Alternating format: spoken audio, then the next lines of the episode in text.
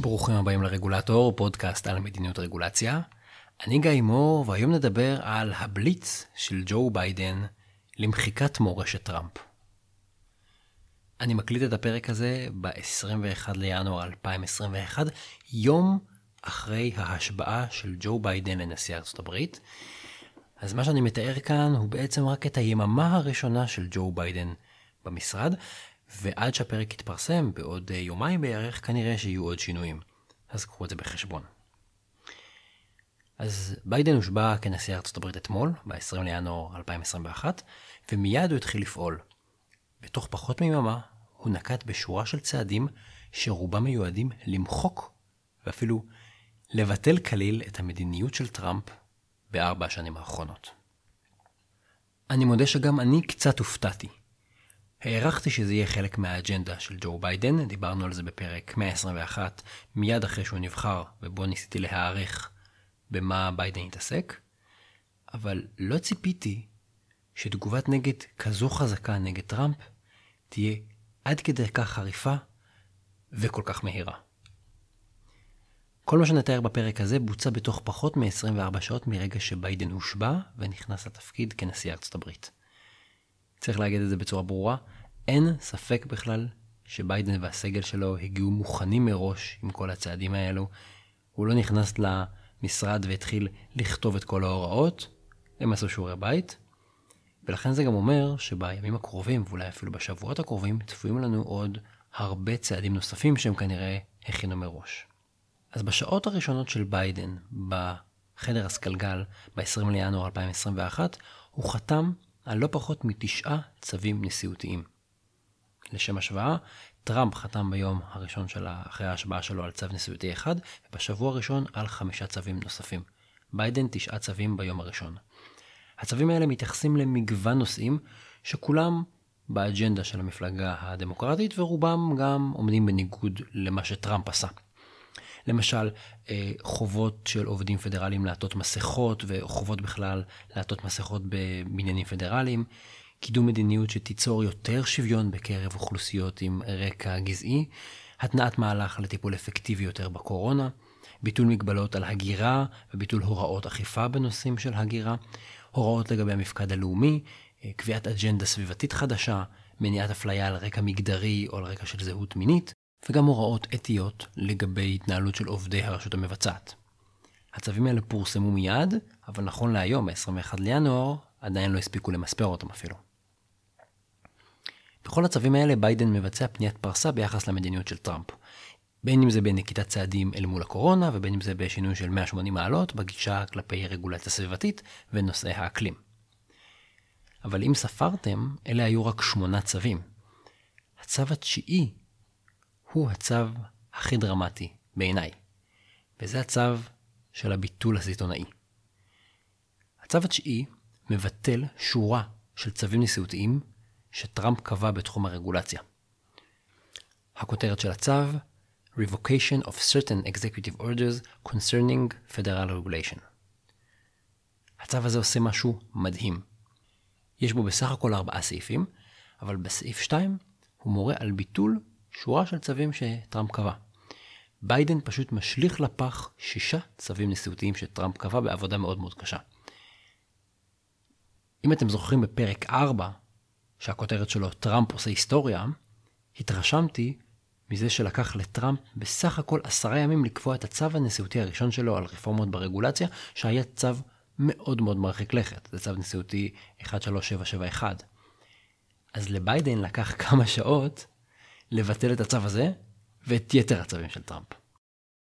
אגב, אם לא האזנתם לפרק 4, טראמפ עושה היסטוריה, אני ממליץ, וגם בואו תשמעו איך ביידן עושה היסטוריה מהצו של טראמפ. אז בואו נתייחס לשני מקבצים של צווים שביידן מבטל. Uh, המקבץ הראשון זה צו נשיאותי, 13771, שהצו הזה היה לו המון המון הוראות. הוא אמר, אל תוסיפו עלויות לרגולציה, הוא אמר, uh, על כל רגולציה חדשה שאתם עושים, תבטלו שתיים קיימות, מה שנקרא one in to out. הוא גם קבע משטר של תקציב רגולטורי בארצות הברית. אז ניתחתי את הצו הזה לעומק בפרק 4, אבל נגיד שבתמצית, במסגרת של תקציב רגולטורי, הנשיא קובע לכל רגולטור את היקף השינוי בעלויות הרגולציה שלאותו רגולטור מותר לעשות בשנה הקרובה. למשל, אפשר לומר ל-EPA, לסוכנות להגנת הסביבה, השנה מותר לכם שעלויות הרגולציה יגדלו במיליארד דולר. ואז אנחנו סופרים את כל השינויים שהם עושים השנה, בין אם זה לבטל רגולציות, בין אם זה להוסיף, בין אם זה ליצור חוקים חדשים, ורואים אם בסך הכל הם עמדו בתקציב הזה. אז במסגרת תקציב רגולטורי, הנשיא או הממשלה, לא משנה, אומרים לכל רגולטור, בסוף השנה איפה הם צריכים להיות ביחס לעכשיו, אז אפשר למדוד רק את השינויים ולראות האם הם עמדו בתקציב. והתקציב יכול להיות פלוס, מותר לכם להגדיל, התקציב יכול להיות אפס, אתם צריכים בסוף להיות עם אותן עלויות, אם אתם רוצים להוסיף, תורידו במקום אחר, הוא יכול להיות גם שלילי. להגיד, בסך הכל אתם צריכים למצוא דרך להפחית את סך העלויות של הרגולציה. תקציב רגולטורי מנגנון מאוד מאוד אה, משמעותי, עם המון המון כוח לנהל את הרגולציה, אבל הוא, יחד עם יתר הצו של טראמפ, נזרק לפח האשפה של ההיסטוריה. מקבץ שני של צווים שביידן מבטל, הם צו 13891 ו-13892, הם צווים שפורסמו באוקטובר 2019. הצווים האלה נועדו לעשות סדר בג'ונגל הנהלים הרגולטורי.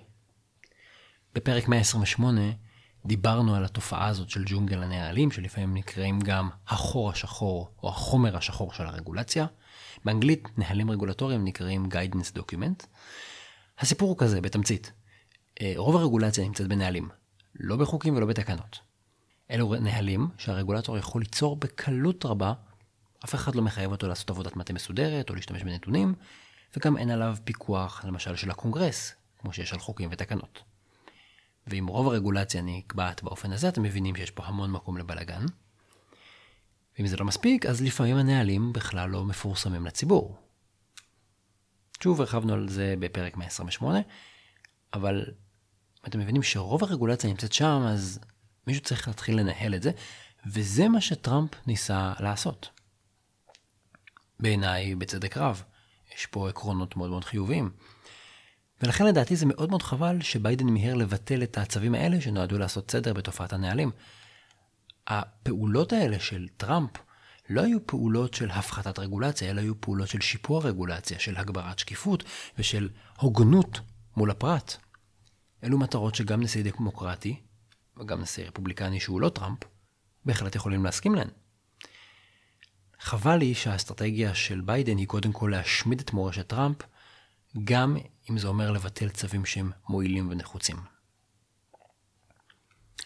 וכאילו כדי להמחיש כמה ממשל ביידן נחוש לחסל את מורשת טראמפ, הצווים שבוטלו הוסרו מהאינטרנט, והקישורים שלהם עכשיו שבורים והם לא מובילים למסמך.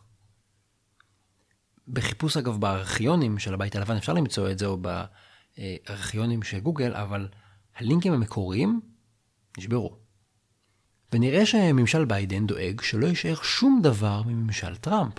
זאת אומרת, אם היום אפשר להפנות לצווים נשיאותיים של רייגן או קלינטון, או בוש הבן ואובמה בנושא הרגולציה, או לצווים של כל נשיא אחר בכל נושא אחר, ממשל ביידן דואג שמארבעת השנים של טראמפ לא יישאר כלום, כאילו זה לא קרה. אז אלו הצווים הנשיאותיים, אבל ביידן גם הוציא ארבעה מזכרים, שזה כלי אחר. זה נקרא Presidential Memoranda. אלו כלים קצת יותר רכים מצווים, אבל גם הם מניעים מהלכים משמעותיים בתוך הממשל. שניים מתוך ארבעת המזכרים האלה נוגעים ישירות למדיניות רגולציה. מזכר אחד, הכותרת שלו, Regulatory Freeze Pending Review, נועד לעצור לחלוטין את כל העבודה על רגולציה שהחלה בתקופת טראמפ. ולמזכר הזה בעיניי יש שלוש הוראות ששווה לדבר עליהן. הראשונה, הוא אומר לא לקדם שום שינויים ברגולציה ולא לעבוד על שום שינויים ברגולציה עד שהנשיא לא ימנה ראש סוכנות חדש מטעמו. זאת אומרת, אם היום ראש ה-FDA הוא איש של טראמפ, נניח, אז עד שביידן לא יחליף אותו וימנה מישהו מטעמו, לא לעשות כלום. הרעיון הוא בעצם שיגיע מנהל חדש לסוכנות או למשרד או לרשות הרגולטורית, והוא כבר ינתב את העבודה לאג'נדה שמתאימה לנשיא החדש. שתיים, הוא מורה שכל שינוי רגולציה שכבר נשלח לבחינה או לפרסום, אבל עדיין לא פורסם באופן רשמי, אז הרגולטור צריך למשוך אותו, להחזיר אותו לסטטוס של טיוטה. ושלוש, כל שינוי רגולציה שכבר נשלח ותהליך החקיקה או האישור שלו החל, שאולי אי אפשר למשוך אותו חזרה, הוא מנחה את הממשל לשקול לעכב את הקידום של השינוי הזה ולהוסיף עיכוב, חלון של 30 יום בשביל הערות ציבור. עכשיו הסיפור פה זה לא באמת שביידן מאמין בשיתוף ציבור, שהוא חושב שמה שצריך עכשיו זה לשמוע את העם האמריקאי על שינוי הרגולציה. הסיפור הוא כזה, לקונגרס יש פרק זמן של 60 יום לבחון שינויי תקנות ולהחליט האם לאשר אותן או לא. אם הקונגרס לא אומר כלום, התקנות עוברות, אם הקונגרס פוסל אותן, התקנות מבוטלות, זה הרבה יותר קל לבטל אותן ככה בתהליך היצירה, מאשר לבטל תקנה אחרי שהיא כבר נכנסת לתוקף. לא רק ביידן ניצח בבחירות האחרונות, הדמוקרטים גם התחזקו מאוד בקונגרס, בשני בתי הקונגרס, בבית הנבחרים ובסנאט. אז מה שביידן עושה, הוא בעצם מנסה לתת לקונגרס יותר זמן לתפוס את כל הרגולציות שממשל טראמפ קבע בחודשים האחרונים, זה נקרא רגולציית חצות. אז בעצם ביידן מנסה לקנות עוד זמן לקונגרס הדמוקרטי, כדי שהקונגרס יוכל לבטל את הרגולציות שביידן לא יכול לעצור או לבטל בעצמו. בעצם גם המזכר הזה נועד למנוע את המדיניות של טראמפ. הוא משתק את כל העובדים שמונו על ידי טראמפ ונשארו במערכת, והוא מקפיא את כל הרגולציות שהם קידמו בחודשים האחרונים, לפני שהם ייקבעו באופן סופי, כי הרבה יותר פשוט למסמס או לבטל טיוטה של רגולציה מאשר לבטל רגולציה שכבר נקבעה באופן סופי ונכנסה לתוקף. נקודה אחרונה ששווה להתייחס אליה זה התנאה של תהליך לשיפור קביעת הרגולציה. הם מופיעים במזכר שכותרתו Modernizing Regulatory Review. כאן ביידן מתניע תהליך לגיבוש מדיניות רגולציה חדשה. זה מזכר מאוד פתוח. אז אין כאן מהפכות גדולות עדיין, הוא בעיקר מפנה לכל מיני מסמכי יסוד שמוסכמים על כולם, כמו צו נשיאותי של קלינטון, מספר 12866, אה, וגם אפילו טראמפ הפנה עליו בזמנו, וגם למזכר A4 של הסגל המקצועי בבית הלבן, שמנחה איך לבצע ניתוח של רגולציה, דברים יחסית סטנדרטיים, אף אחד לא מתרגש מזה, אבל בכל זאת יש בין השורות שלושה דברים שאני ככה תופס שם וכדאי לשים אליהם לב. קודם כל, ביידן אומר שהוא מתכוון לשנות את התפקיד של אויירה. WIRE זה ראשי תיבות של Office of Information and Regulatory Affairs, זה גוף מדיניות הרגולציה העליון בארצות הברית, הוא יושב בבית הלבן, הוא מפקח בעצם על כל הרגולציה, הוא מוודא שהרגולטורים עושים עבודה טובה, שתואמת את המדיניות של הנשיא. ביידן כותב שצריך לבחון איך אויירה יכולה למלא תפקיד יותר פעיל ואקטיבי בקידום יוזמות רגולטוריות שיש להן תועלות משמעותיות. למה זה מעניין? כי עד היום אויירה בעיקר ביצעו בקרה על הצעות של רגולטורים, וכאשר הצעה של רגולטור הייתה אה, לא טובה בעיניהם, או סתרה את המדיניות של הנשיא, הם חסמו אותה, או העבירו את זה לנשיא, שיחסום עליה ויטיל עליה וטו. אז בייטן בעצם אומר, שתחת הממשל שלו, איירה, יעברו מתפקיד נקרא לזה הגנה, שבולם יוזמות של אחרים, לתפקיד של התקפה, שמקדם דברים ודוחף בעצמו. לא ברור כל כך איך זה יעבוד, אנחנו נצטרך להמתין ולראות מה זה בדיוק אומר. נקודה שנייה מתוך המזכר הזה, זה שביידן מפרט את השיקולים שצריך לבחון כאשר קובעים רגולציה, וזה יכול להיות סעיף מאוד מאוד סטנדרטי, אבל ביידן משלב פה בין ערכים שמזוהים חזק מאוד עם השמאל, כמו עם צדק חלוקתי והגנה על אוכלוסיות מוחלשות, לבין עקרונות יותר טכניים ומקצועיים, כמו ניתוח עלות תועלת. ואולי להזכיר את ניתוח עלות תועלת נשמע לכם די בנאלי, וזה נכון, אבל כמו שדיברנו בפרקים 116 ו-119, בכהונה של טראמפ בבית הלבן, טראמפ דרס את ניתוח עלות תועלת, עיוות אותו לחלוטין, אפילו השחית אותו. אז זה שביידן שם על השולחן את ניתוח עלות תועלת זה סימן דווקא חיובי, שהממשל חוזר על איזה מקום של אה, שפיות, שאנחנו לא הולכים לעוות ניתוחי עלות תועלת ולא הולכים לשחק עם המספרים. נקודה שלישית, ופה נראה לי מסתתר המוקש הציני אצל ביידן, ביידן מנחה לבחון כל מיני רפורמות לאופן שבו קובעים נהלים וגם לבקרה על נהלים בדיעבד.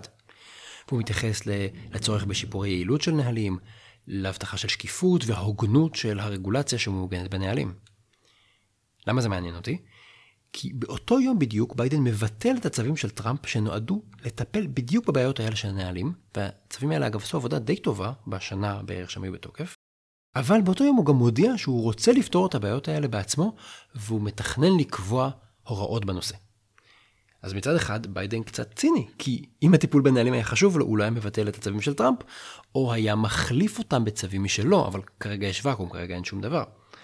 וצריך להגיד שוב, הצווים של טראמפ בסך הכל הגיוניים, אה, עושים בסך הכל עבודה טובה, למשל אומרים שאם אזרח לא יודע על הוראה רגולטורית בנוהל, מה שנקרא unfair surprise, אי אפשר לאכוף עליו הוראות שהוא לא יודע. נשמע די טריוויאלי, נכון? מצד שני, ואני ככה יוצא טיפה להגנתו של ביידן, כנראה שדי מהר ביידן יפרסם צווים נשיאותיים משלו על הסוגיה הזאת, אולי אפילו עוד השבוע, כי כמו שראינו, הוא עשה הרבה שיעורי בית, ועכשיו הוא והצוות שלו יורים בקצב אש מאוד מאוד גבוה, דברים שהם הכינו מראש. אז אולי ביידן עוד השבוע יפרסם צווים שיהיו מאוד מאוד דומים לצווים של טראמפ, העיקר שהצווים של טראמפ לא יהיו קיימים יותר. טוב, אז איך נסכם את היום הראשון של ג'ו ביידן בחדר הסגלגל? אני חושב שבסך הכל אפשר להגיד שהיה לו יום מאוד מאוד פרודוקטיבי. ביידן נחוש למחוק את כל מה שטראמפ עשה, ולעצור את כל מה שאנשיו של טראמפ עוד לא סיימו לעשות. אנחנו נצטרך להמתין ולראות מה האג'נדה שביידן יקדם בעצמו בתחום הרגולציה, ולמי הוא יהיה יותר דומה. די ברור שהוא לא יהיה דומה לטראמפ, אבל אולי יהיה דומה לרייגן, וישים דגש על ניתוח עלות תועלת. אולי יהיה דומה לבוש האב, שדי התעלם מזה ולא הייתה לו גישה יותר מדי דומיננטית לגבי מדיניות רגולציה, והוא עסק בתחומים אחרים. אולי יהיה יותר כמו קלינטון, שפיתח גישות לקביעת רגולציה חכמה, ואיך אפשר לייצר רגולציה שתהיה טובה, ודיבר על אה, ניתוח של בעיות לעומק ובחינה של חלופות. אולי יהיה כמו בוש הבן, שעשה שיפורים מינוריים. אולי יהיה כמו אובמה, שהוציא הצהרות דרמטיות ובומבסטיות על הרגולציה, אבל לא עשה פעולה משמעותית אמיתית לפיתוח מדיניות הרגולציה. אז אנחנו נצטרך לראות מה ג'ו ביידן באמת עושה כנשיא בכלל, וגם בתחום הרגולציה בפרט. יש לי תחושה, לאור שיעורי הבית המסיביים שנראה שהוא והצוות שלו עשו, יש לי תחושה שהתשובה תגיע מהר מאוד. נצטרך לראות. תודה שהאזנתם לפרק הזה של הרגולטור. אתם מוזמנים לעקוב אחריי בפלטפורמות השונות כמו טוויטר, לינקדין, פייסבוק, כמובן באתר שלנו רגולטור.אונליין, שם מתפרסם גם כל הפרטים, עם עוד מקורות, עם הפניות למידע נוסף, לינקים. אני אודה לכם מאוד אם תמליצו על הפרק לחבר או לחברה שמתעניינים ברגולציה או באקטואליה או בפוליטיקה האמריקאית. התכנים משקפים את דעותיי בלבד,